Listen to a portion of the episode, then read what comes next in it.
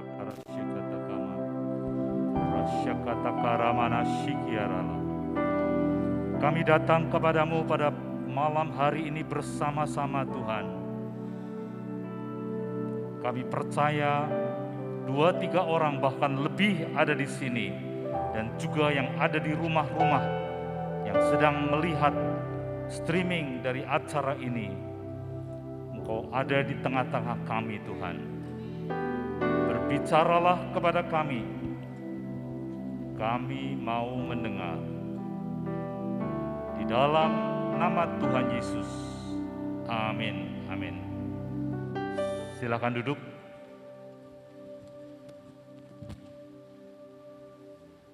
Shalom semua saudara-saudara. Suaranya kok rada aneh sedikit.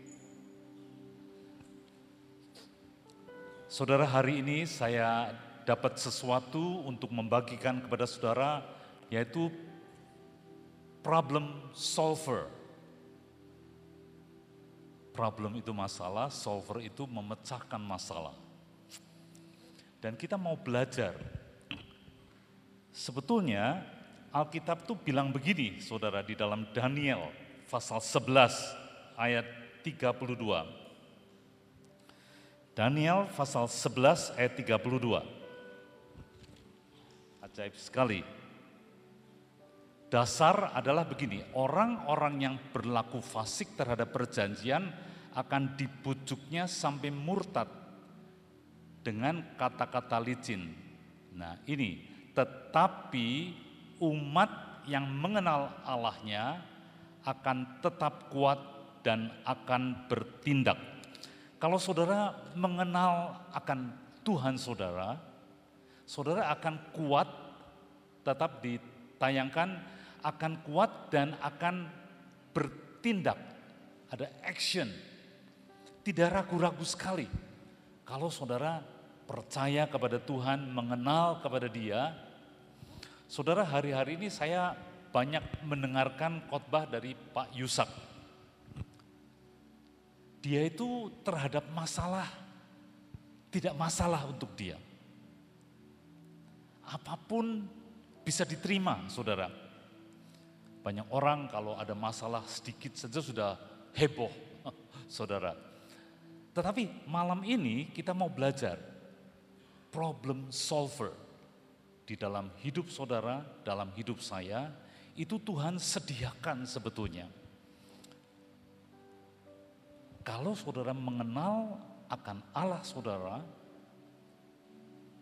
kenalnya tuh makin dekat, makin dekat, makin dekat begitu, maka saudara akan kuat dan akan bertindak. Tidak ada ragu-ragu sama sekali.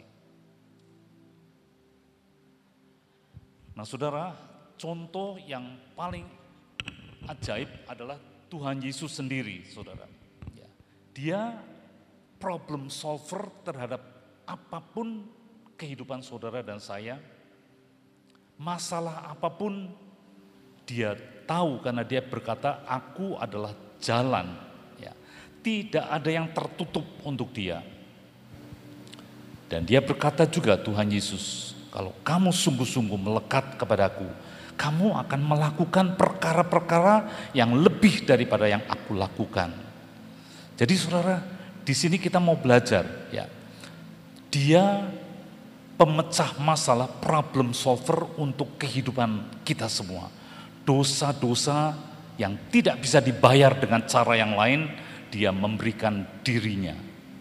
Rela mati di kayu salib, namanya ditinggikan di atas segala nama. Semua lidah mengaku, lutut bertelut, karena dia merendahkan dirinya memberikan dirinya. Jadi kita belajar Tuhan Yesus itu problem solver di dalam apa pun kehidupan saudara. Dan saudara pun sebetulnya dipanggil untuk menjadi problem solver untuk orang lain.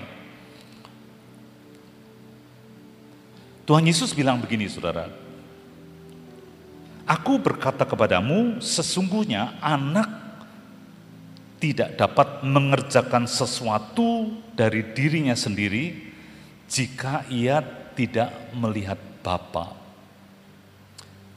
mengerjakannya. Sebab apa yang dikerjakan Bapa itu juga yang dikerjakan anak. Saudara Tuhan Yesus cuma lihat Bapa beri petunjuk apa, dia kerjakan sesuatu, baru dia kerjakan saudara. Sehingga apa pun yang dikerjakan oleh Tuhan Yesus tidak ada yang gagal saudara. Dia mengajar Tuhan Yesus ya untuk kita ini percaya pada perkataannya dan bertindak. Ini penting sekali, saudara belajar mendengar firman Tuhan, percaya dan bertindak. Belajar mendengar, percaya dan bertindak, saudara. Saudara salah satu contoh yaitu orang buta yang dari lahir. Tuhan Yesus menyembuhkannya bagaimana? Dia kan kepengen lihat saudara. Tetapi yang dilakukan Tuhan Yesus bilang begini, sini dekat-dekat. Lalu dia mengeluarkan ludahnya, dia ambil tanah, diremet-remet begitu, diapain saudara?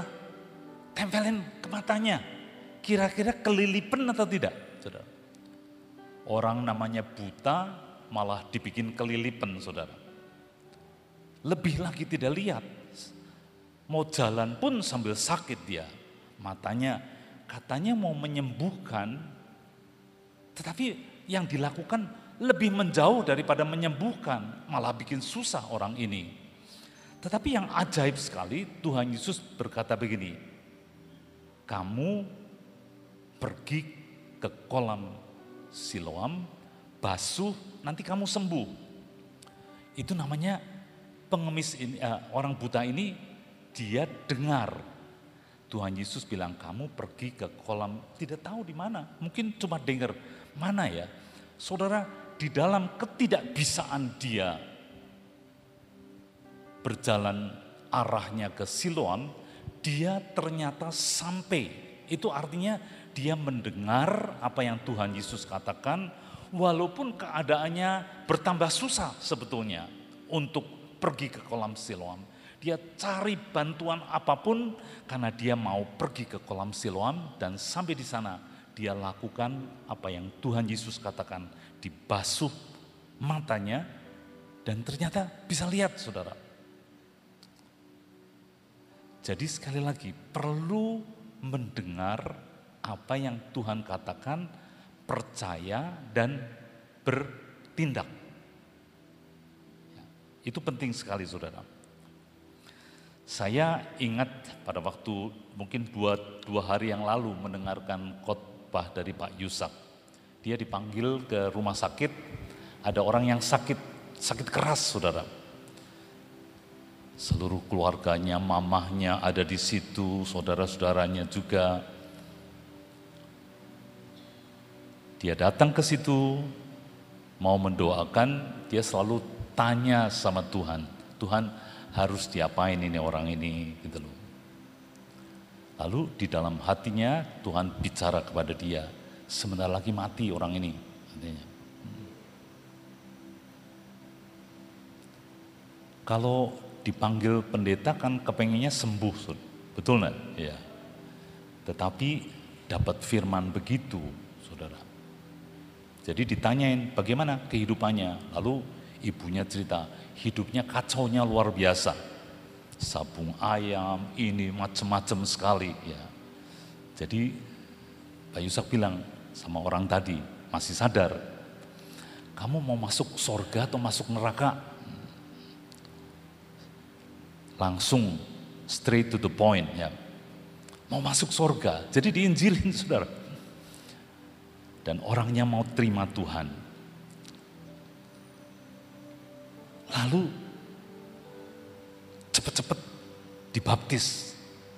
Kalau saya tidak salah, dia ambil tutup ceret, dikasih air. Tidak mungkin orang yang sudah hampir mati ini dicemplungkan untuk dibaptis di kolam, saudara. Jadi ambil ceret, airnya di itu dicipratkan ke orang ini. Dan sesudah dikerjakan, betul orangnya mati, saudara siap-siap jadi mau dimarahin sama mamanya, sama saudaranya. Ini habis doain kok malah mati. Ya. Jadi apa yang terjadi saudara? Mamahnya yang maju. Karena matinya dengan damai sejahtera. Mamahnya maju bilang apa? Ini yang benar. Kaget Pak Yudalnya. Apa maksudnya ini yang benar? Anaknya yang lain yang meninggal di dalam kegelisahan yang tidak yang tidak karuan saudara. Kalau ini begitu diterima Tuhan, langsung dia damai sejahtera dan pulang saudara sesudah dibaptis. Dan mamanya bilang, minggu depan seluruh keluarga harus kumpul. bilang sama semua anggota keluarganya. Dan betul dikumpulkan dia sampaikan bahwa Tuhan Yesus itu betul-betul juru selamat Saudara, resiko sebetulnya melakukan kalau mendengar, percaya dan bertindak ada resiko. Tetapi ternyata tidak. Resikonya cuma tanda petik saja. Bagaimana ibu tadi bersuka cita lihat anaknya pulang dalam damai sejahtera dari Tuhan. Kita belajar lagi saudara. Yesus itu problem solver untuk hidup saudara dan saya. Termasuk yang di dalam, yang kotor, dia sanggup membersihkan karena dia sudah mati untuk saudara dan saya. Yang kedua yang saya catat adalah Salomo, saudara. Dia diperhadapkan dengan dua orang perempuan yang bermasalah karena satu anaknya mati. Ini perempuan tidak baik, saudara. Serumah, anaknya ditukar, dan mereka ribut. Ini anakku, ini anakku, semua ribut begitu dan saudara tahu kan, Salomo itu dapat hikmat dari Tuhan, tidak pernah terpikir oleh siapa pun dia minta parang, ya, minta apa ya kalau bendu, pisau yang besar, apa ya pedang, minta pedang. Lalu dia pegang anak itu dan mau dibelah dua. Dan dari situ ketahuan siapa yang menjadi ibunya. Dia dapat hikmat. Dia ngerti masalah, dia bisa lihat dari atas semua yang kejadian yang ada, Saudara. Dan hebat sekali itu hikmat yang dari Tuhan. Dapat dari mana? Satu hari kan Tuhan bilang, Salomo mau minta apa kamu? Apa saja aku kasih. saudara kalau dapat tawaran itu bagaimana? Senang tidak? Senang sekali. Ya. Semua kebutuhan yang ada sepertinya diminta. Ya. Tetapi Salomo pada waktu ditawarkan itu dia cuma bilang Tuhan, aku dipercaya untuk menghakimi, untuk menjadi raja bagi umatmu yaitu orang Israel. Beri kepada aku hikmat untuk bisa menentukan yang benar. Itu mintanya saudara. Tidak minta yang lain-lain. Dan ternyata Tuhan itu senang sekali. Kalau permintaan saudara dan saya untuk urusan kerajaannya. Tanamkan ini di dalam hati ya. Banyak orang mintanya saya pada waktu ada acara beberapa waktu yang lalu saya pun nulisnya macam-macam saudara. Minta ini minta ini. Tapi hari ini saudara saudara perhatikan yang saudara perlu seperti Salomo minta hikmat untuk urusan kerajaannya jadi minta sesuatu dari Tuhan yang dipakai untuk membesarkan kerajaan sorga. Bukan untuk diri saudara sendiri. Karena Tuhan bilang begini, karena kamu mentanya itu, aku kasih yang lain-lain yang tidak kamu minta. Kekayaan aku kasih. Apa saja akan aku kasih. Tidak ada orang yang sehebat engkau sesudah engkau. Jadi saudara, problem solver di dalam hidup Salomo didapat pada waktu dia minta ke Tuhan untuk ngurusi umat Tuhan yang begitu banyak. Tetapi Tuhan kasih kekayaan kepada dia. Sampai tidak ada orang yang lebih kaya daripada dia. Ada orang yang pikirannya cuma karena hidup di dalam kekurangan, pikirannya cuma bagaimana saya bisa keluar dari ini. Belajar dari Salomo, mengutamakan Tuhan, ya. Cari urusannya Tuhan perlu apa, saudara kerjakan. Cari urusan Tuhan apa yang diperlukan, saudara kerjakan.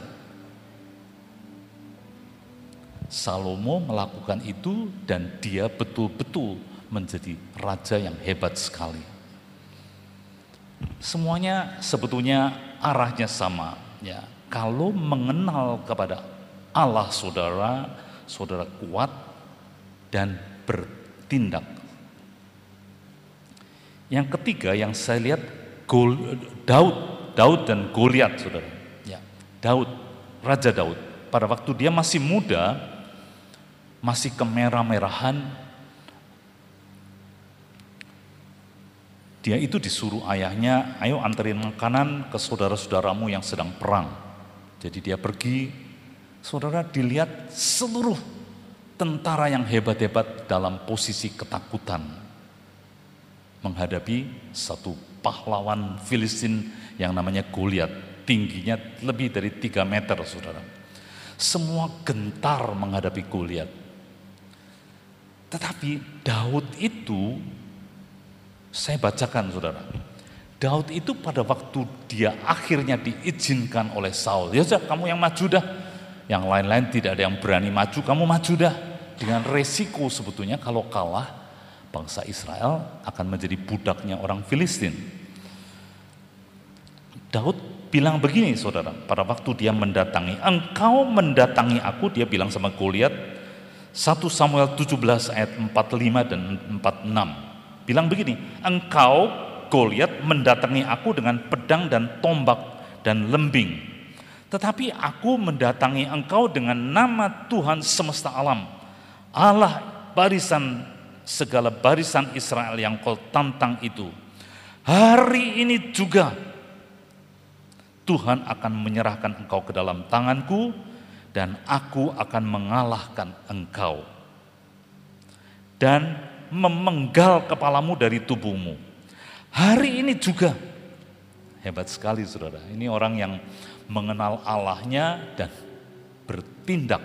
Ini ditonton oleh semua pahlawan-pahlawan Saul yang ketakutan. Hari ini juga Aku akan memberikan mayatmu dan mayat tentara orang Filistin kepada burung-burung di udara dan kepada binatang-binatang liar. Nah ini yang perlu digarisbawahi. Supaya seluruh bumi tahu bahwa Israel punya Allah. Jadi yang dikerjakan oleh Daud, dia sedang membuat orang-orang yang tidak bisa melihat Allah, dan orang-orang ini akan lihat Allah.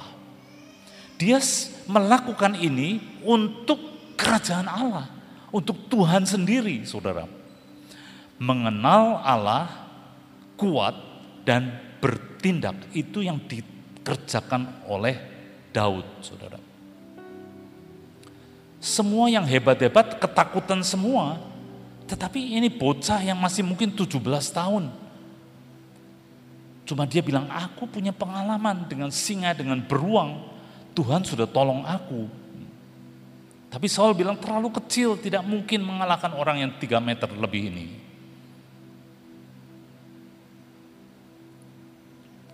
Jadi supaya seluruh bumi tahu bahwa Israel punya Allah. Sebab itu dia memecahkan masalah problem solver untuk Israel yang sedang ketakutan, untuk Saul yang sedang ketakutan, termasuk kakak-kakaknya yang sedang ketakutan. Ditolong oleh anak kecil ini saudara yang masih muda. Ajaib sekali. Yusuf saudara. Ini pahlawan-pahlawan iman semua yang bertindak menjadi problem solver Dasarnya dari mana Yusuf bisa menjadi problem solver? Dimulai pada waktu dia pergi mengembalakan dengan apa ya namanya itu dibilang gundik juga boleh. Yakub kan punya dua istri dan pembantunya diserahkan ya Bilha dan Silva. Itu anak-anaknya kalau mengembalakan kambing domba, Yusufnya ikut, saudara. Dan dia hidup di dalam kebenaran Yusuf dari muda, saudara. Dia bilang sama ayahnya, ini saudara-saudara saya tidak benar. Saudara Yusuf tuh hebat. Sebetulnya Alkitab tidak tidak menulis panjang, cuma dia bilang itu dikasih jubah, yang lain-lain tidak dikasih jubah. Ada sesuatu yang hebat di dalam diri dia yang Yakub lihat, saudara.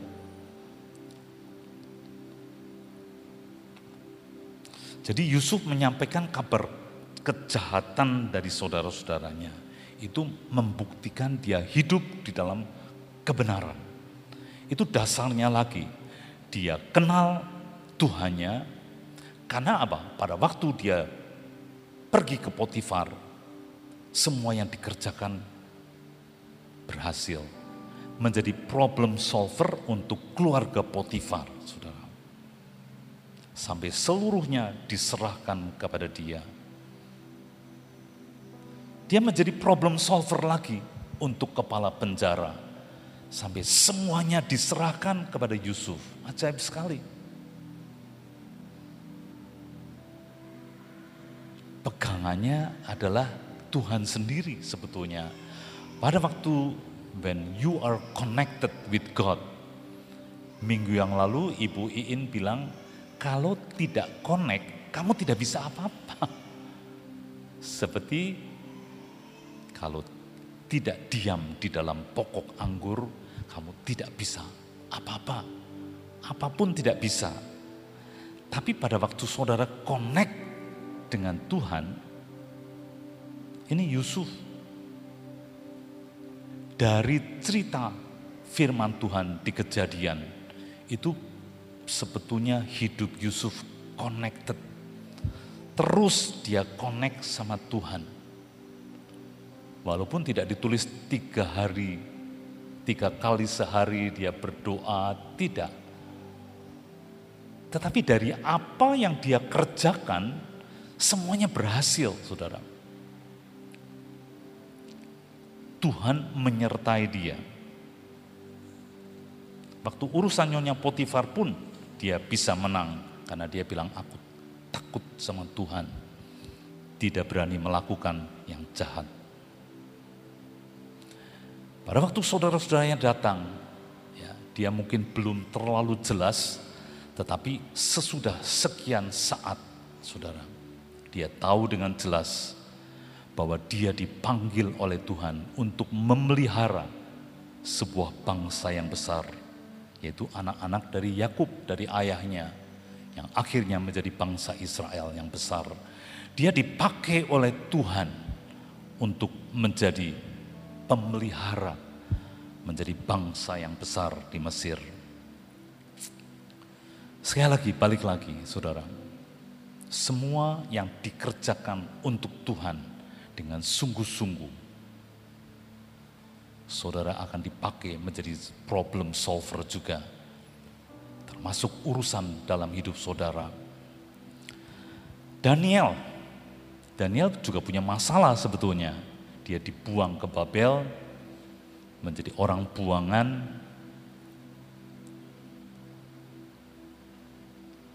dan Alkitab berkata, Daniel itu mengambil ketetapan untuk tidak menajiskan dirinya dengan makanan-makanan raja yang sudah dipersembahkan kepada dewa-dewanya.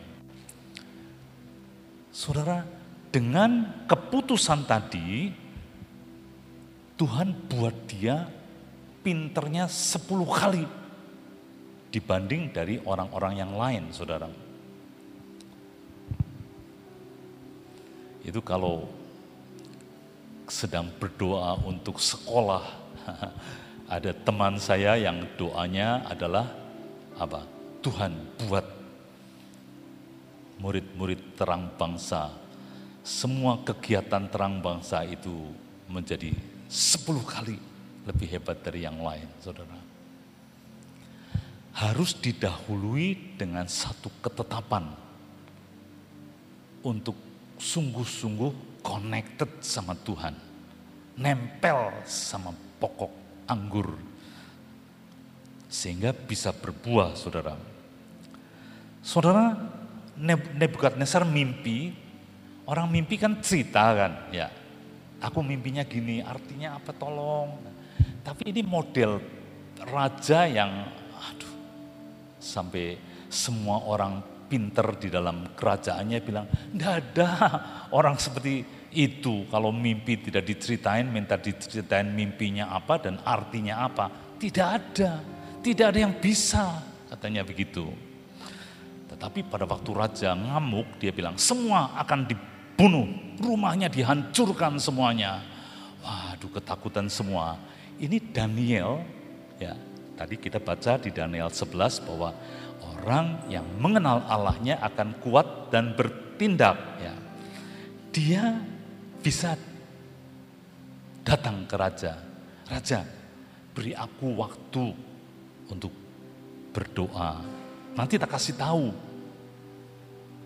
apa jawaban, apa yang menjadi gundah gulana dari Bapak Raja. Dia bilang begitu, saudara. Ini normalnya, ya normalnya ini normalnya kalau saya lah, mungkin saudara juga. Doa dulu sampai dapat yang jelas, baru datang ke raja. Ini dia datang ke raja dulu.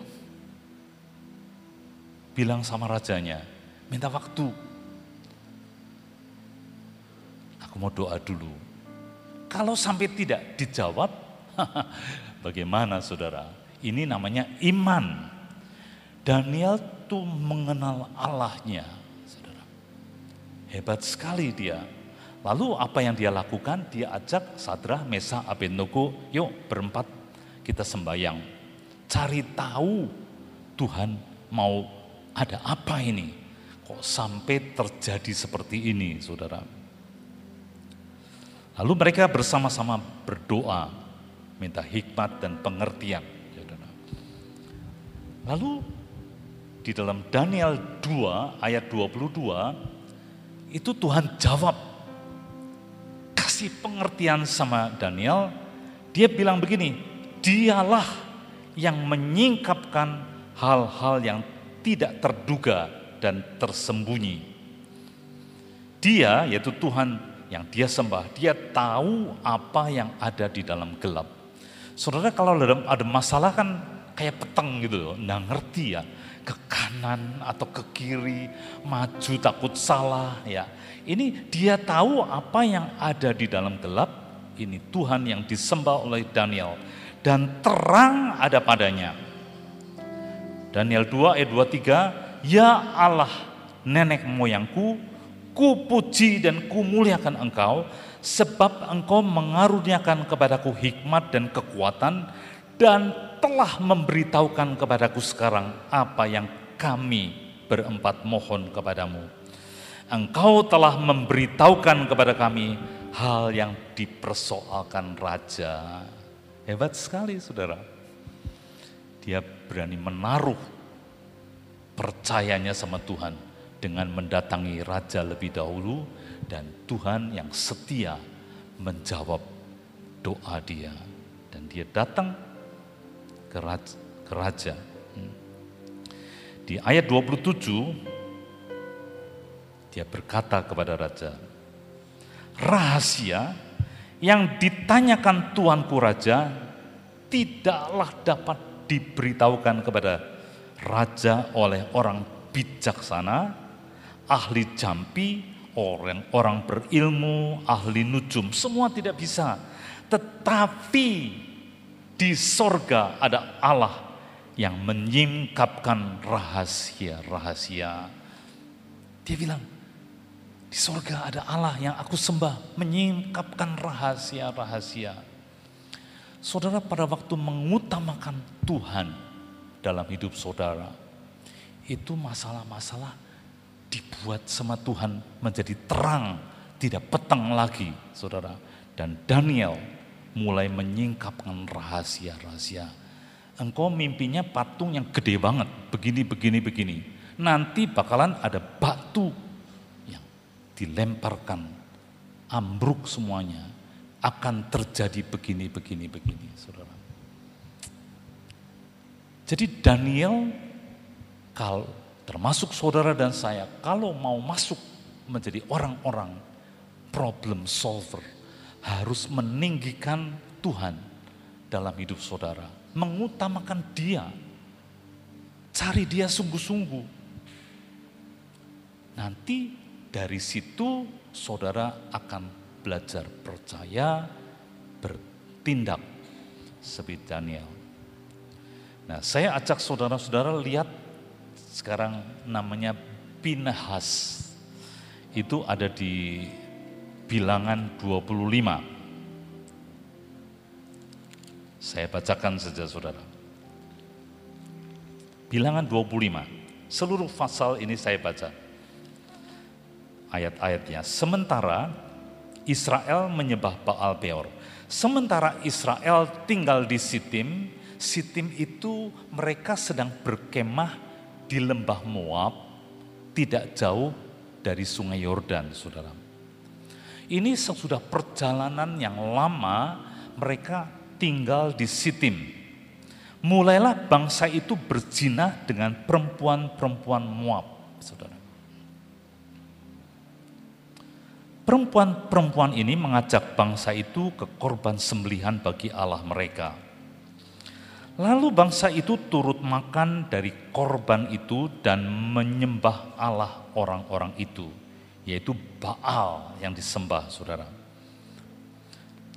Ketika Israel, orang-orang Israel ini berpasangan dengan Baal Peor, bangkitlah murka Tuhan terhadap Israel. Lalu berfirmanlah Tuhan kepada Musa, tangkap semua orang yang mengepalai bangsa itu dan gantung mereka di hadapan Tuhan di tempat terang Terjemahan yang lain, gantung menghadap matahari. Supaya apa? Supaya murka Tuhan yang bernyala-nyala itu surut daripada Israel. Lalu berkatalah Musa kepada hakim-hakim Israel, Baiklah masing-masing kamu membunuh orang-orangnya yang telah berpasangan dengan Baal Peor.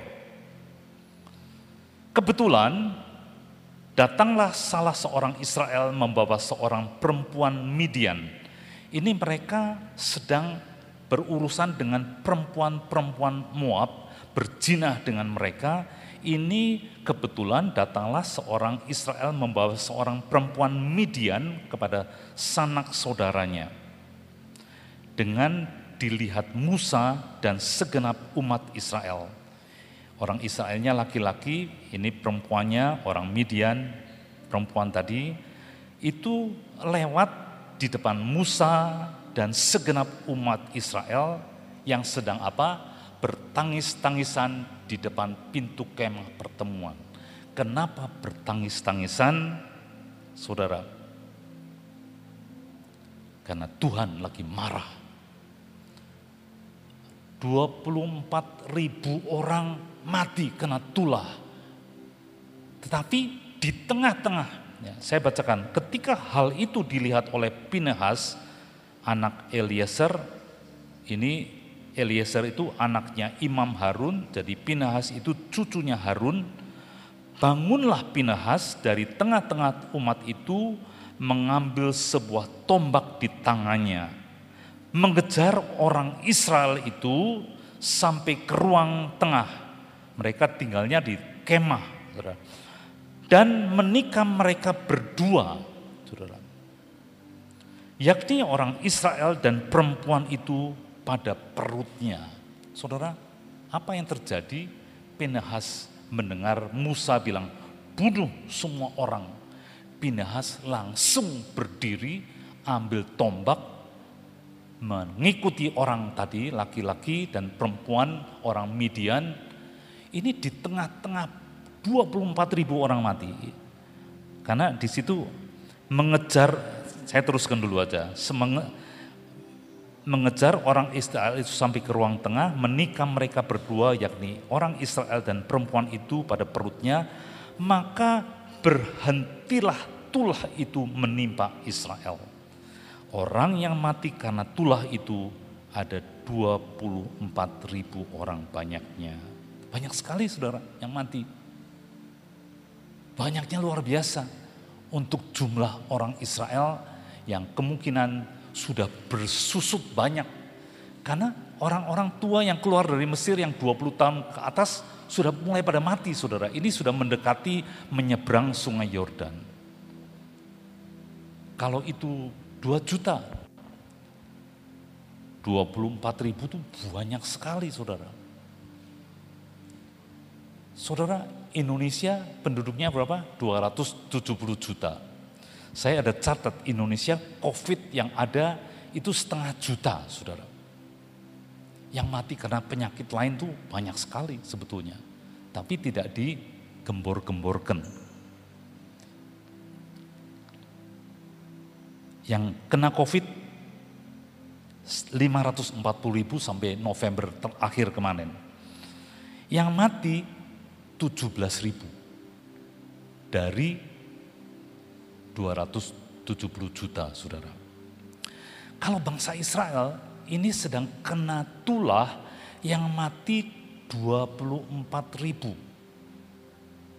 Banyak sekali untuk mereka yang kurang lebih 2 juta saudara. Mengerikan sekali sampai Musa dan orang-orang semua sedang nangis sebetulnya di depan kemah mereka. Tetapi ada, ada orang yang santai sekali bukan bahwa orang Israel sebetulnya Tuhan bilang tidak boleh ambil perempuan-perempuan bukan orang Israel. Ini santai lewat di depan Musa, masuk ke dalam kemahnya dan kalau Alkitab cerita itu pendek sekali. Ditombak kena perut dua-duanya. Itu lagi apa saudara? Lagi hubungan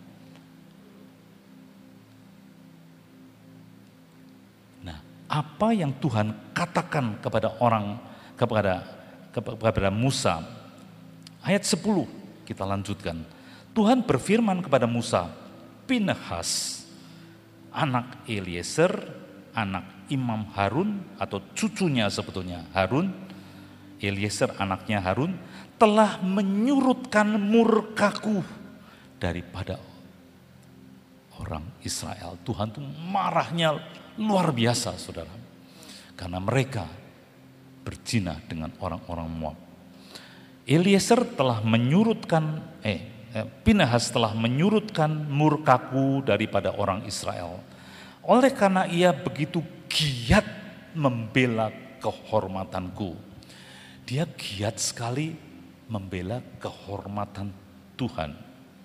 Saya lagi sekali lagi malam ini saya sedang membawakan sesuatu problem solver adalah orang-orang yang sungguh-sungguh connected sama Tuhan. Karena ia begitu giat membela kehormatanku di tengah-tengah mereka, sehingga tidaklah kuhabisi orang Israel dalam cemburuku. Pinahas menjadi problem solver begitu dia bertindak karena Musa berkata, ini yang harus dikerjakan.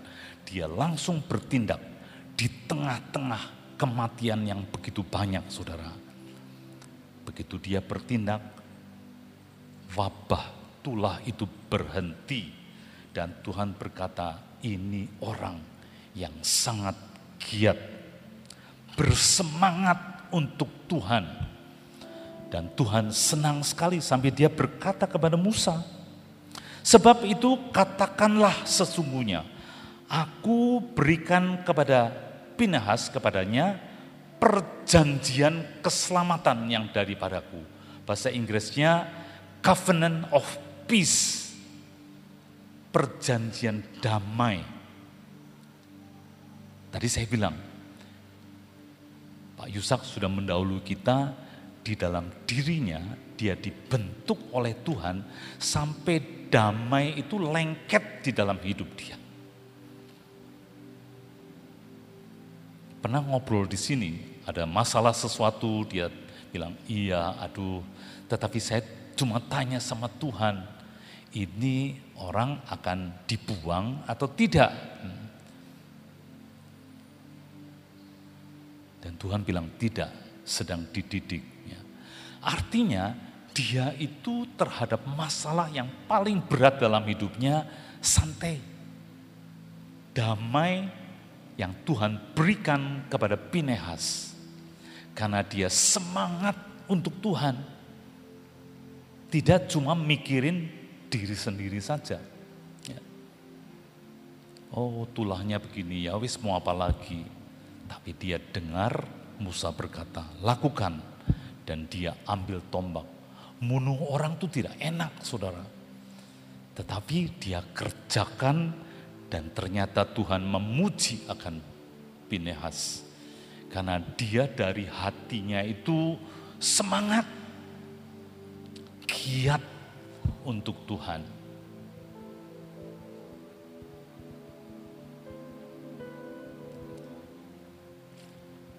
Dan sesudah itu diberikan lagi saudara, dilanjutkan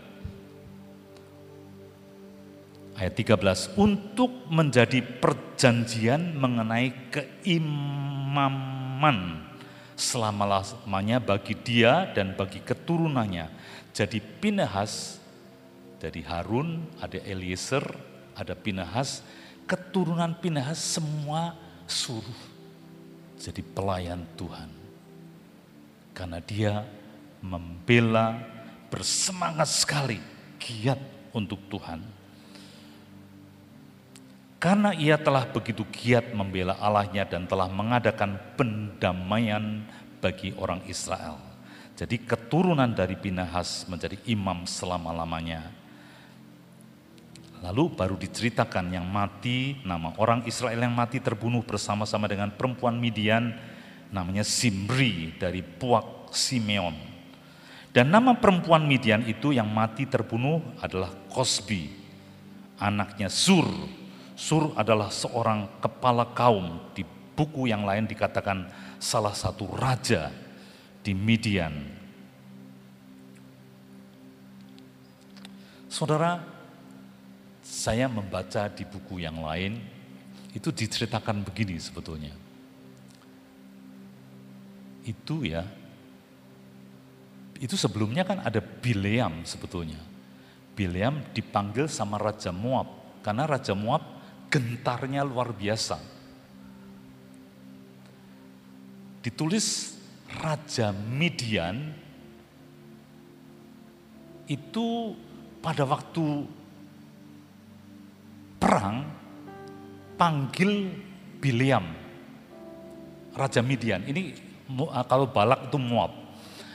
Dia bilang sama Biliam, tolong aku sumpah serapah musuhku dan ternyata ditolong dengan apa yang dikerjakan Biliam. Dia ini Raja Moab dengar dari Raja Midian bahwa sudah ditolong sama Balak. Jadi dia pergi panggil Biliam, Balak Raja Moab tadi. Tolong sini, ini ada bangsa yang banyaknya luar biasa. Ngelewatin tempatku. Sumpai mereka sehingga aku tidak dikalahkan sama mereka. Saudara, di dalam bilangan 31 dikatakan begini, Biliam tadi bilang sama Balak Raja Moab, kamu ya, itu kan akhirnya ternyata berkat yang disampaikan sama Biliam sama bangsa Moab, saudara. Biliam itu dia akhirnya pulang tapi ngomong sama Raja Moab namanya Balak. Kamu mau menang sama mereka? Ini caranya. Ditulis dalam kitab orang jujur tadi. Apa? kamu ya, semua pemimpin bilang sama semua penduduk Moab, istri-istrimu, putri-putrimu yang ayu-ayu, didandani yang paling cantik, pakai baju yang paling bagus, dikasih emas, dikasih perak, suruh duduk di luar kemah.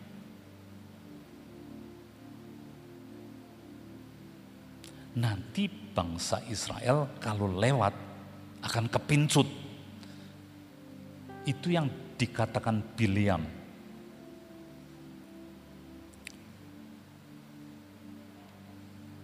Di dalam bilangan 31, saya ajak saudara lihat sebentar.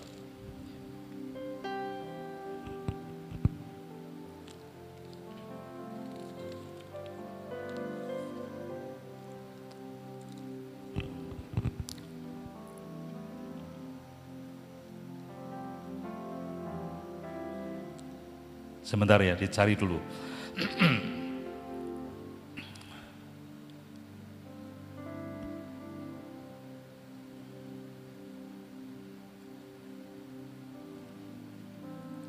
Saya tidak catat nomor ayatnya.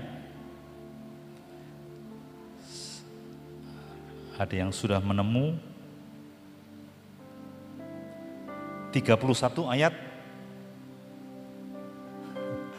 istri saya begini sama lima, lima belas katanya.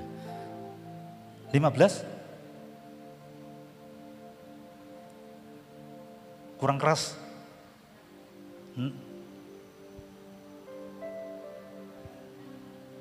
16. Bukankah perempuan-perempuan itu atas nasihat Bileam menjadi sebabnya orang Israel berubah setia kepada Tuhan dalam hal peor sehingga tulah turun ke antara umat Tuhan.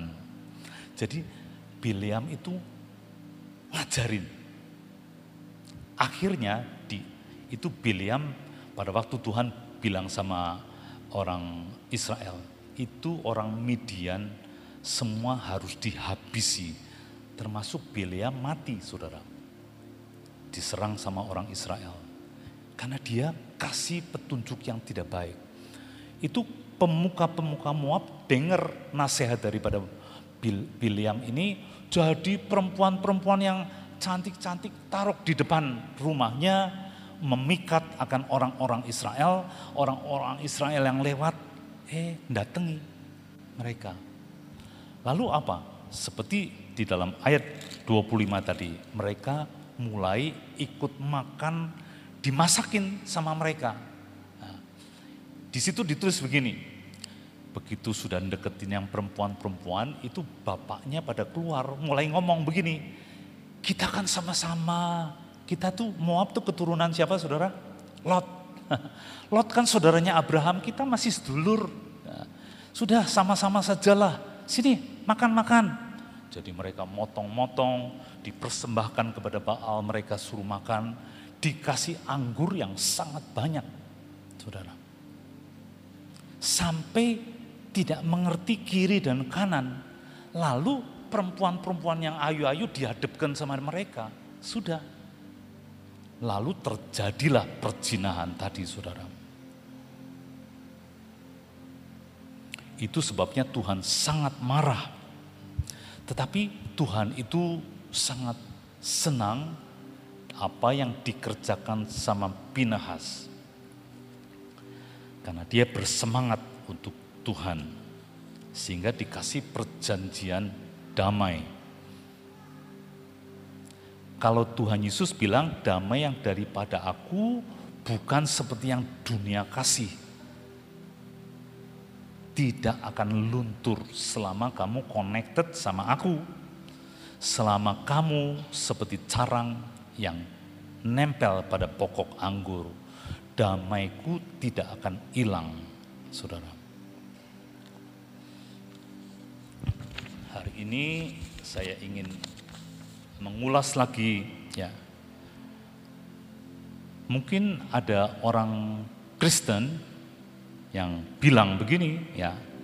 Saya sudah lama jadi orang Kristen, tapi kok biasa-biasa aja ya. Masalah saya banyak dan tidak melihat jalan keluar Apalagi mikirin orang lain, itu saudara. Mungkin ada yang berpikir begitu.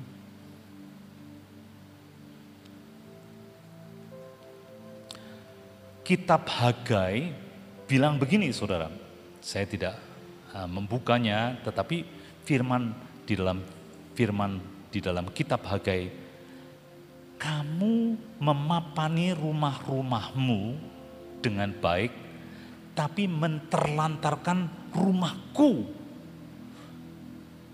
Lihat, apa yang kamu terima semuanya habis. Bisa makan, tidak kenyang, bisa minum, tidak puas, pakai baju, badannya masih dingin. Kenapa? Karena kamu mengutamakan dirimu sendiri, mikirin dirimu sendiri. Lalu Hagai bilang, firman Tuhan datang ke Hagai, naiklah ke gunung, ambil kayu, turun, bangun rumahku lebih dahulu. Jangan rumahmu dulu. Aku, kalau kamu taat, aku akan memberi berkat. Salomo mengutamakan Tuhan, Aku harus memimpin akan umatmu yang banyak. Minta hikmat Tuhan agar aku benar. Dan dikasih yang lain-lainnya sama Tuhan.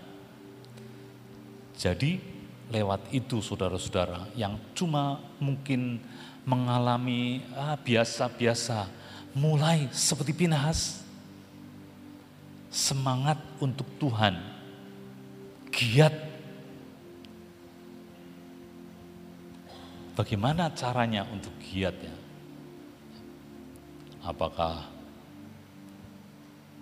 aktif di sini dan di situ? Banyak orang yang aktif tapi cuma ya ngikutin flow-nya saja ya. Tetapi yang Tuhan inginkan mengenal kepada Tuhan kuat dan bertindak karena percaya Saudara kepada Tuhan jadi bagaimana caranya sebetulnya saya belajar ya selalu bertanya-tanya sama Roh Kudus. Mungkin satu saat kelewat pakai pikiran ya. Harus begini-begini, oh dari orang tua diajarin, dari sekolah diajarin. Kalau masalah ini begini jalan keluarnya ya. Mulai switch, tanya sama roh kudus karena dia diberikan kepada saudara untuk menuntun hidup saudara. Yang kedua yang saya lihat adalah kita perlu pasang antena saudara. Bagaimana pasang antena saudara? Ya duduk diam, mulai bertanya sama Tuhan apa yang saya harus kerjakan. Duduk di dalam tempat pengintaian, kata Habakuk begitu ya. Cari Tuhan engkau maunya apa dalam hidupku. Dan langsung pewahyuan-pewahyuan mulai datang saudara.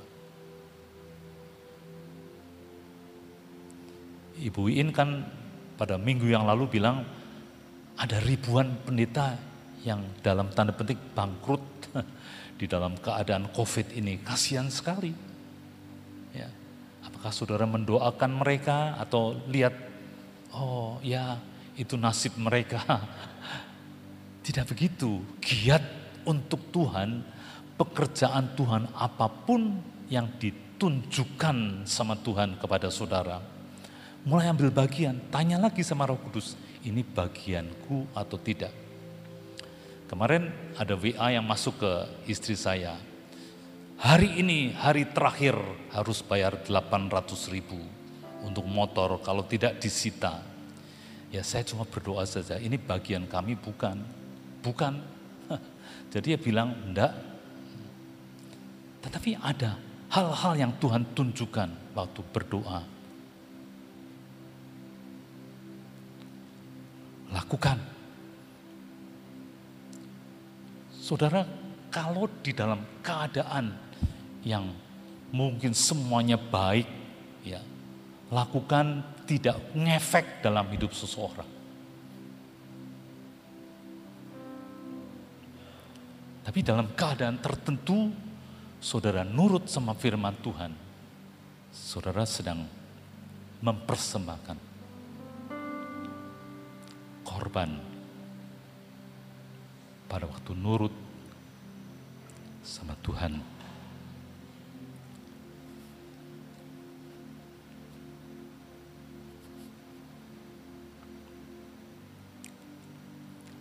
Saudara, yang nyenggol Tuhan Yesus dalam perjalanannya itu banyak sekali.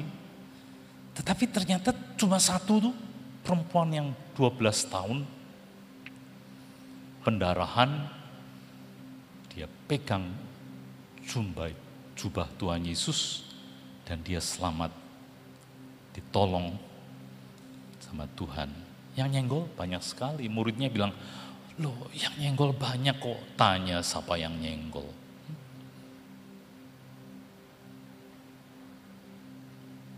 Yang baca Alkitab juga banyak.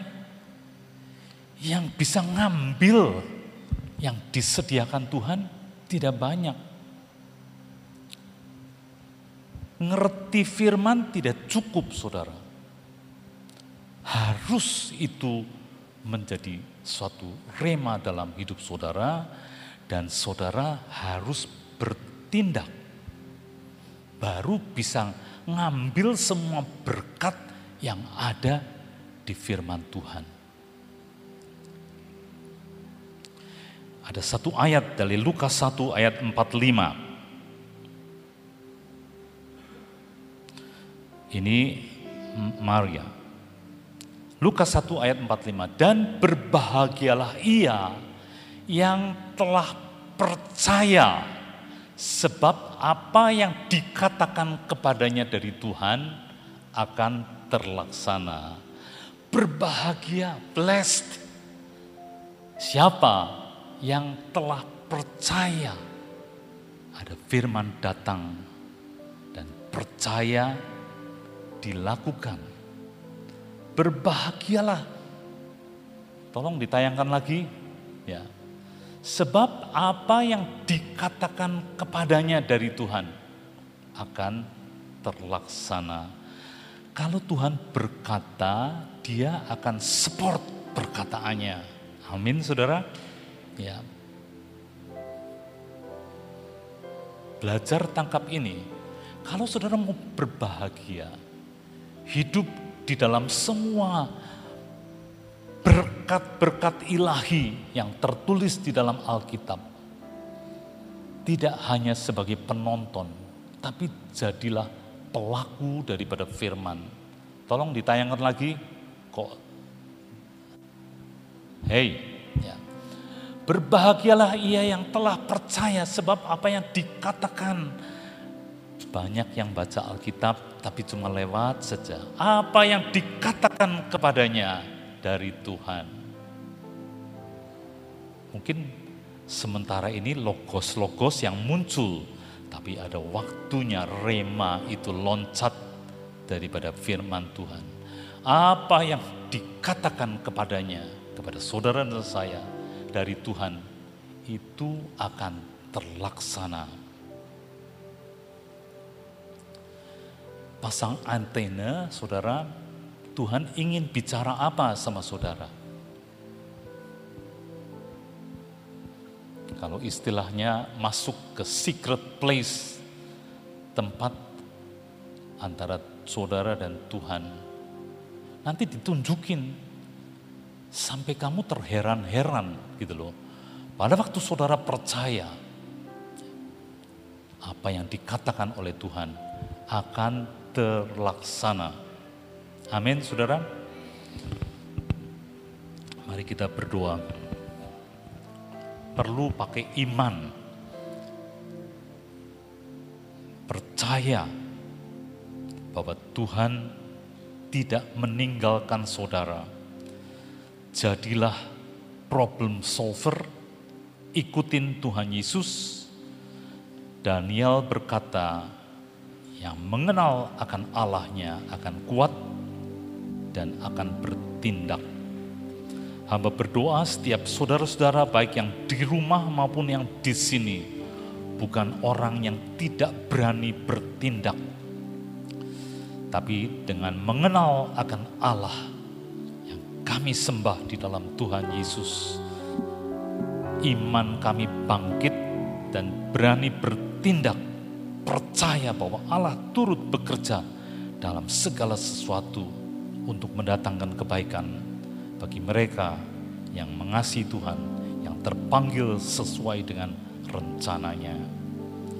Masalah saudara apa pun juga malam hari ini percaya Tuhan Yesus problem solver hidup saudara. Dan saudara pun kalau melekat kepada Tuhan, mengutamakan Tuhan, akan dikasih hikmat menjadi problem solver untuk istri, untuk suami, untuk anak-anak, untuk sekeliling, untuk jemaat, untuk siapa pun yang saudara hadapi, termasuk untuk negeri di mana saudara dilahirkan Indonesia. Jadi berkat problem solver itu jadi berkat saudara. Ngasih jalan, ini loh yang harus dilalui. Ini loh yang Tuhan inginkan dalam hidupmu. Sehingga nama Tuhan akan dimuliakan dalam hidup saudara dan dalam hidup saya juga. Terima kasih Tuhan, lanjutkan firman ini dengan anak-anakmu menjadi menjadi orang-orang yang bertindak di dalam nama Tuhan Yesus yang percaya katakan sama-sama amin Mengikut Yesus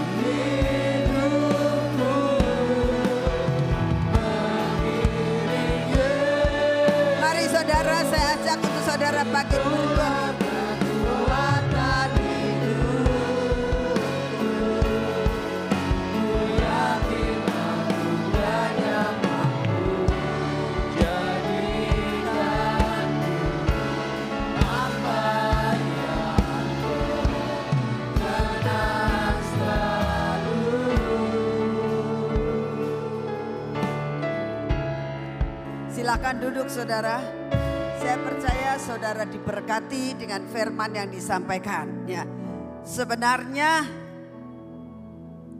problem apa tadi? Solver. Fa- Solver. Solver itu memecahkan masalah kan. Ya. Jadi bagaimana kita itu bisa mendapatkan sesuatu itu sebetulnya karunia hikmat. Ya. Karunia hikmat itu karunia. Kalau karunia itu bisa kita minta gratis kalau karunia. Lain yang dinamakan buah roh. Kalau buah roh itu perlu ada perkara-perkara yang harus dilakukan dengan proses. Tapi kalau karunia itu sadat, sanyet kalau Pak Yusak suka ngomong tuh ya. Dalam sekejap.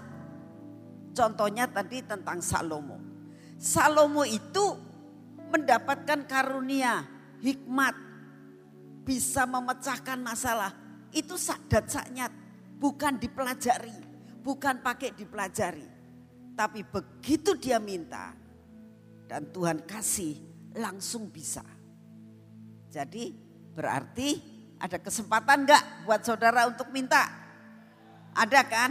Nah, buat saudara yang streaming saat ini, kalau menghadapi masalah apa pun, apalagi saat-saat ini, percaya, iya ya, itu karunia. Hikmat itu karunia.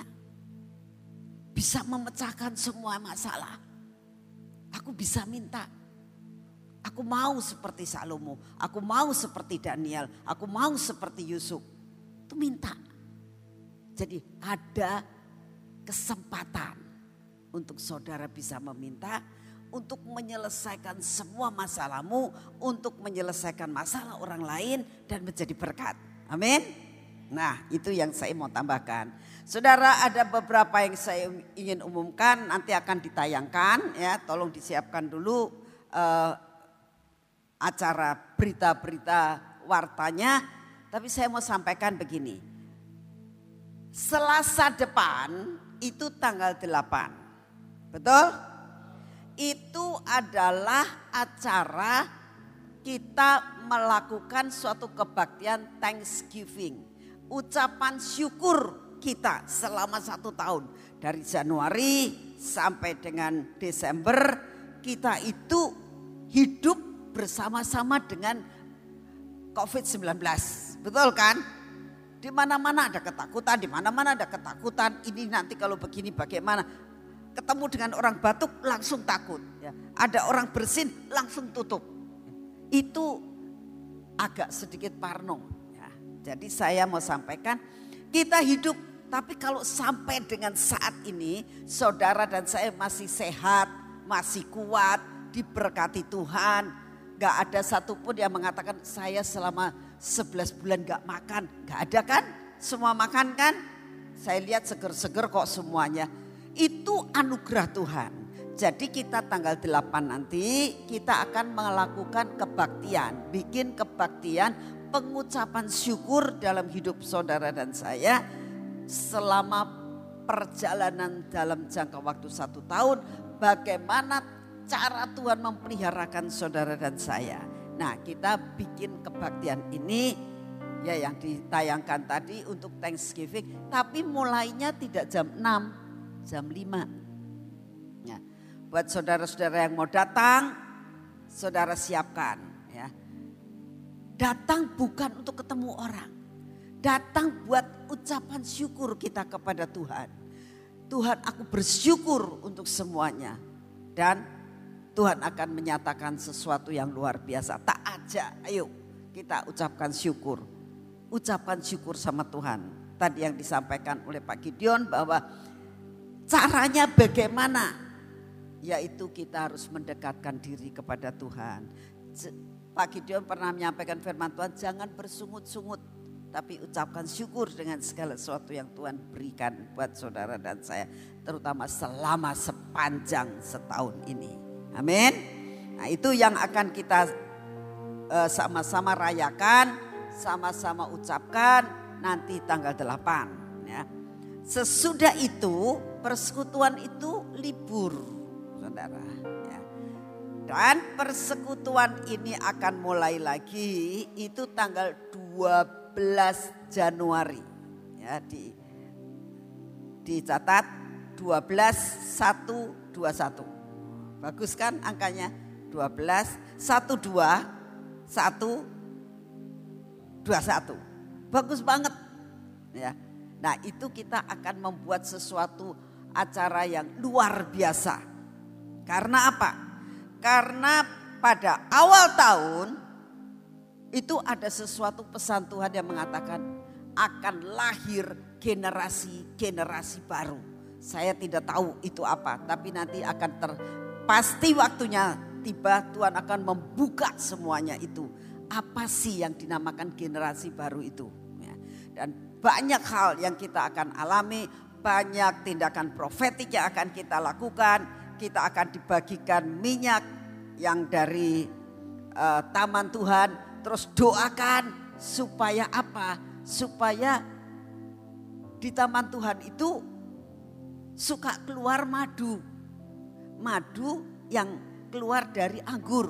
Nah, saya berdoa Tuhan, tolong si itu madunya keluar semuanya supaya bisa dibagikan madu dicampur dengan anggur, kemanisan dan perlipat kali gandaan.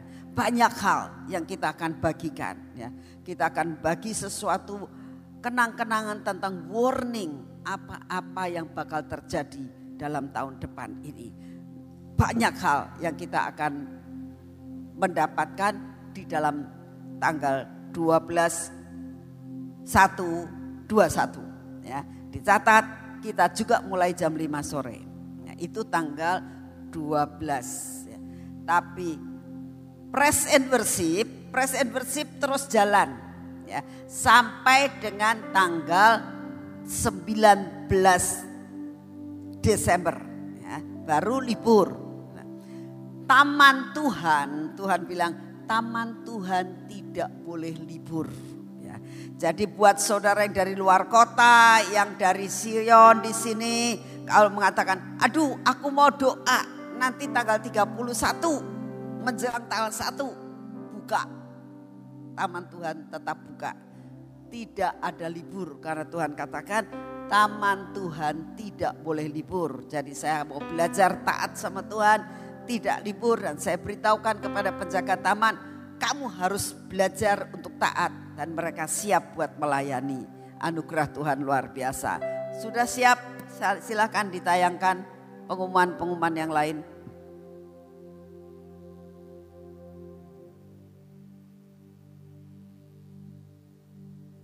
Kok nggak ada suaranya?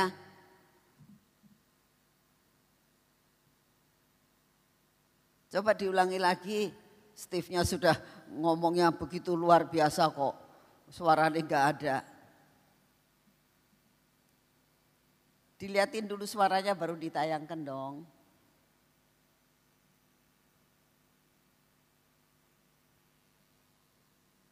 Loh, tetap nggak ada.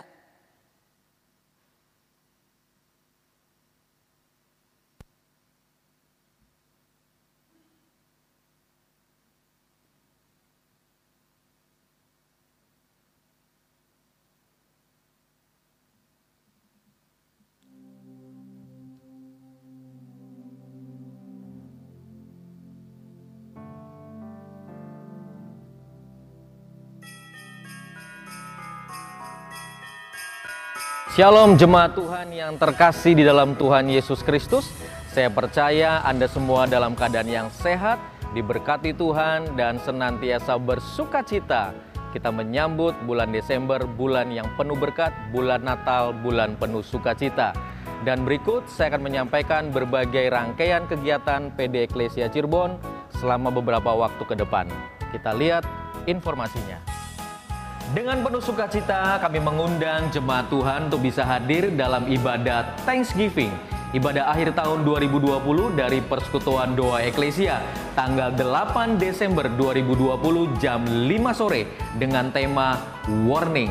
Mari datang bersama dengan keluarga, dengan rekan-rekan Anda untuk menerima berkat akhir tahun yang luar biasa.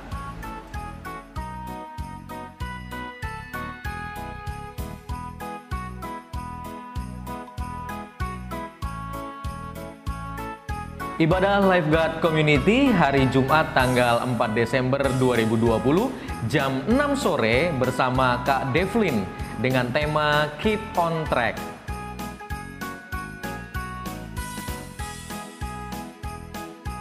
Hai guys, buat kalian kaula muda, kami mengajak kalian semua untuk hadir dalam ibadah spesial, ibadah Natal Lifeguard Community pada tanggal 11 Desember 2020 jam 5 sore. Yuk datang dan ajak semua teman-teman kalian untuk hadir dan bersuka cita dalam ibadah Natal bersama Lifeguard Community. Kami tunggu kehadiran kalian tanggal 11 Desember 2020 jam 5 sore.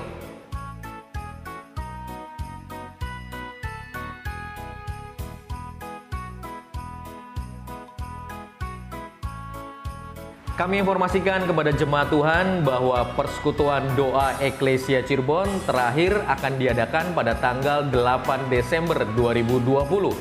dan akan dimulai kembali pada tanggal 12 Januari 2021. Sedangkan PW pagi hari tetap akan diadakan sampai tanggal 19 Desember 2020 dan akan dimulai kembali pada tanggal 11 Januari 2021.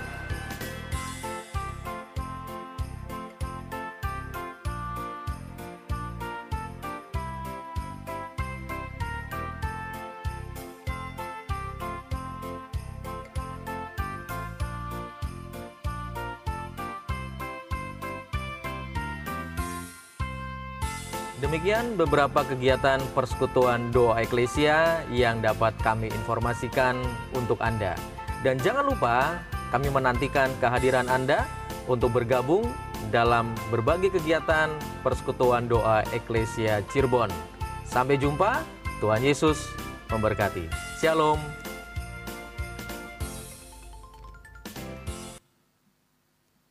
Ya, saya kira saudara jelas untuk semua pengumuman yang diadakan dan saat ini siap kita memberikan yang terbaik buat Tuhan. Bapak kami mengucap syukur untuk sore hari ini. Waktunya Tuhan kami mau memberikan yang terbaik untukmu. Berbicaralah Tuhan. Berbicara Tuhan. Berapa yang kami akan berikan kepadamu. Buat kami memberi yang terbaik untukmu Tuhan. Sampai semua rencanamu tidak ada yang gagal dalam hidup kami. Kalau kami tahu, kalau kami bisa hidup sampai saat ini, semua karena anugerahmu. Dalam nama Tuhan Yesus. Amin. Silakan saudara beri yang terbaik buat Tuhan yang sebelah kanan saya pakai buat pelayanan lawatan untuk eh, pulau-pulau. Uh,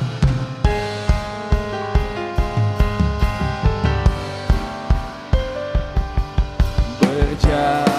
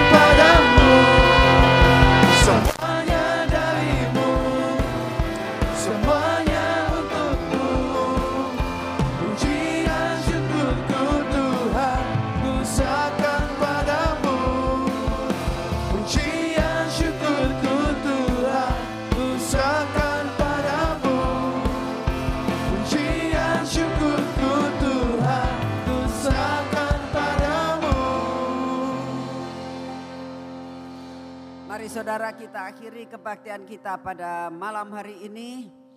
Mari bangkit berdiri bersama-sama. Terima kasih Bapak untuk kehadiranmu. Terima kasih buat pujian dan penyembahan.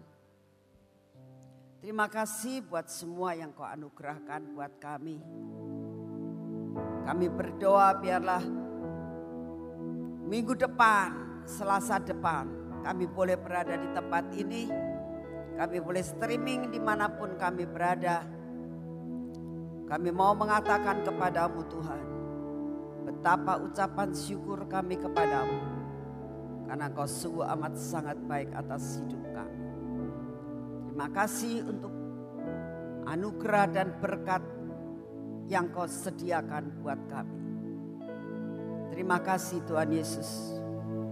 Sebentar kami akan meninggalkan tempat ini. Kami akan pulang ke rumah kami masing-masing. Penyertaanmu sempurna atas hidup kami. Damai sejahtera, berkat ilahi, berkat yang terbaik dari surga. Turun atas kami. Kami terima di dalam nama Tuhan Yesus Kristus. Dari sekarang sampai selama-lamanya. Amin.